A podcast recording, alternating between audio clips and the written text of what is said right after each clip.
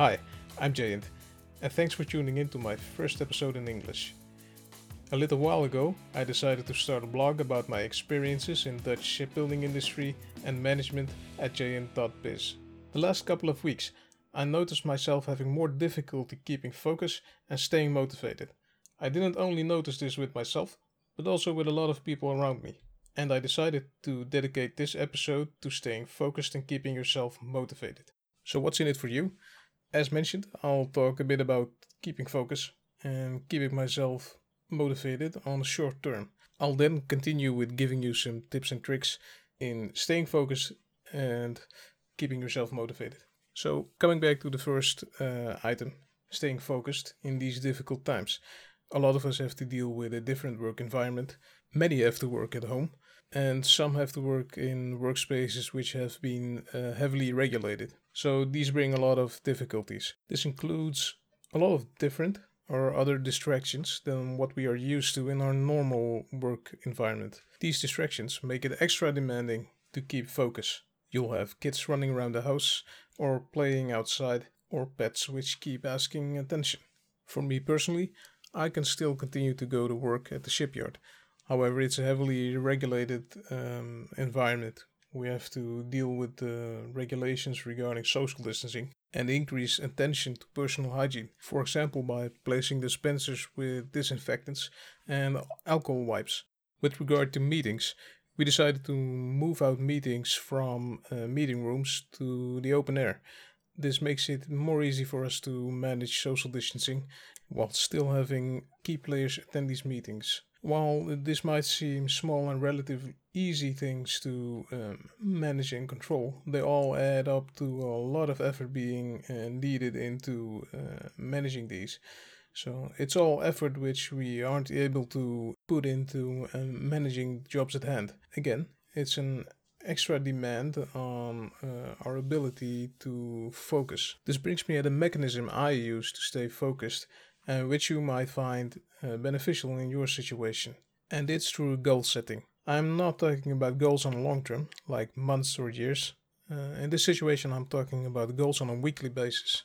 So what I try to do is through uh, my project planning or uh, work package planning, I try to decide on uh, setting some week goals, which range from doing physical activities to doing your administration in, for example, Outlook. Now, setting goals for me isn't quite just enough to be able to reach these goals. I need to break them down into more little bits. What I do is I translate them to daily activities these daily activities I am able to put in daily checklists, which I'm able to tick off when I get things done. Now, I mentioned writing down these activities, which is literally what I do in a pocket sized notebook. But do whatever works for you, whether it's writing them down on post its or in your agenda, which could be your Outlook agenda. At the end of the day, you'll be surprised how fulfilling it is to see the amount of activities you were able to finish. This brings me at the second phenomenon I mentioned earlier, and is keeping yourself motivated during these upcoming difficult weeks.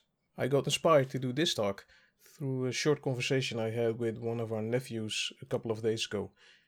He's gotten seriously ill, and because of this, he's unable to physically attend his classes for his studies, so he's forced to uh, follow his classes online in order to keep progress on his program. He continued to tell me he was getting demotivated by his current progress, and it appeared he's comparing his current progress to the situation in which he would have been totally healthy, which is a human thing to do. At this point, we paused, and I asked him to step back and take a look at the studying goals he wanted to achieve this week. He answered he'd been able to achieve most of his week goals, but he was bothered by the smaller things which he wasn't able to do. Now, I've been lucky enough to haven't been seriously ill, but this made me think about one of the difficult projects I was involved with in my career. It was a vessel on which I was a production team lead, and we had to deal with a whole range of problems. They ranged from uh, missed detail engineering to a lot of production issues. In the end, our team and I were responsible to solve these issues and we were able to finish this project while keeping a positive mindset.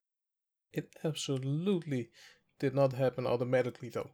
In hindsight, there were a couple of things which kept me from buckling under the stress and pressure.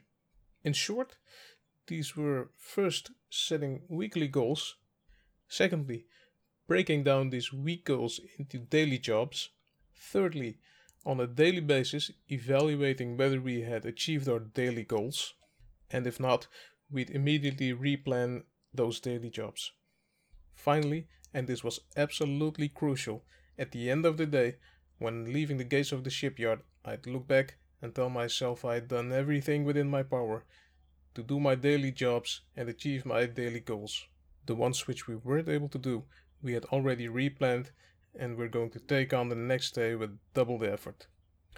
This mindset kept me from losing sleep at night or having a mental breakdown. Coming back at the conversation I had with my nephew, I asked him to take a look at the things which he wanted to do this week and he'd actually finished, instead of losing focus and energy on those which he wasn't able to finish. He thanked me for pointing out this way of thinking, as it gave him a boost of self confidence. The great thing is, he had already done all the hard work himself. I only had to remind him of it. We agreed on talking again one week from now to check on how he's doing. This brings me to the conclusion of this podcast. I'll recap on my tips to stay focused and keep yourself motivated during the upcoming difficult weeks.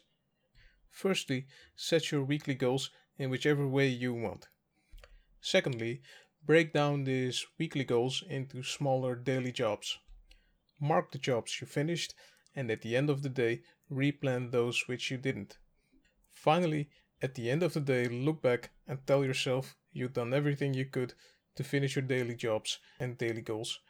The things which you weren't able to do, you'll take on the next day with double the effort. Thank you for listening to this episode, and I hope you enjoyed. Please leave me a review in your podcasting app and visit my blog at jayant.biz. See you!